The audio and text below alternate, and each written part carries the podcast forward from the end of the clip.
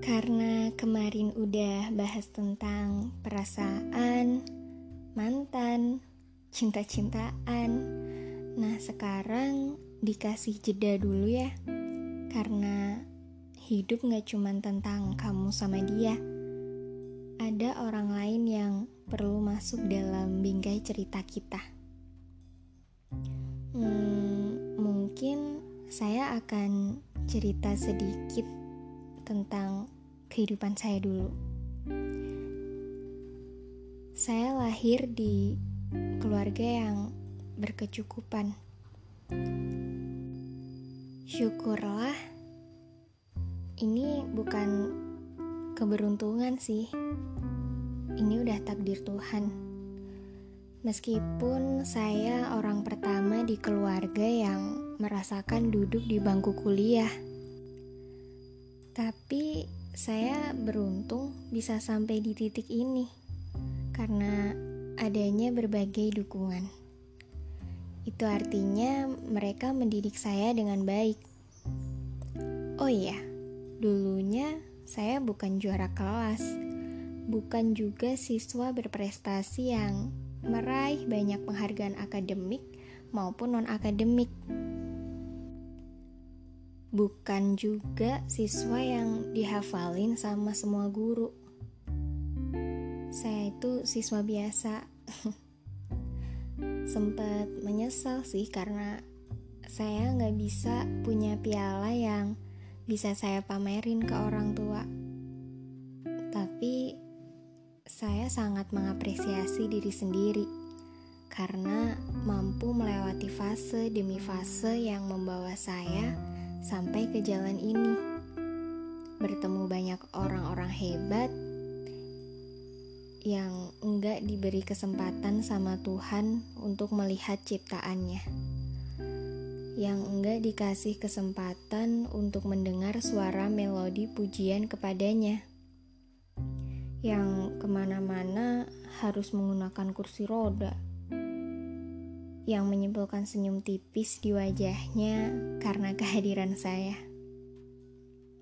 Bukan, justru mereka lah yang membuat saya kembali bersemangat setelah menjalani hari yang penat. Tanpa memungkiri apa pun, saya juga sempat kecewa sama diri saya sendiri. Di usia 20 tahun, di saat banyak teman saya yang udah kerja dan mapan, saya masih aja bergantung sama orang tua. Di saat mereka udah bisa ngasih kiriman, saya masih aja minta kiriman. Sedih. Iya, banget. Tapi lagi-lagi gak akan ada habisnya kalau membandingkan hidup sendiri sama hidup orang lain jelas-jelas visi misinya beda. Jadi ya tujuan akhirnya nggak mungkin sama. Kadang kalau saya capek ngelihat ke atas, dulu saya suka ngelihat ke bawah.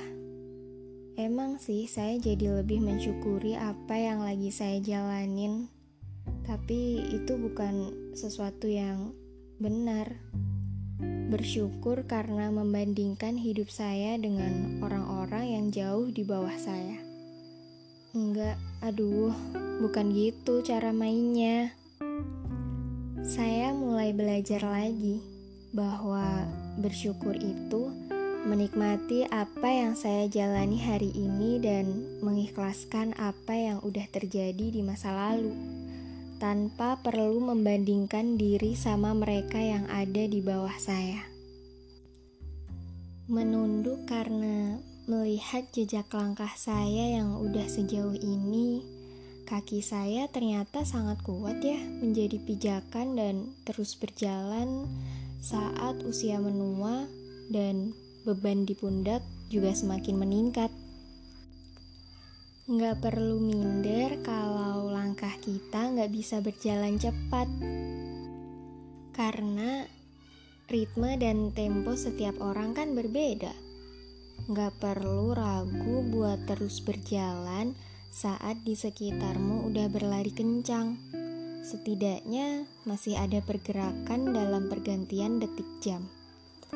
Pun gak jadi masalah saat kita cuma jalan di tempat, tapi yang lain udah membangun gubuk bertingkat. Gak akan jadi musibah juga kalau kita berhenti sejenak dan menata ulang rencana yang porak-poranda saat orang-orang udah berhasil mewujudkan semua mimpinya.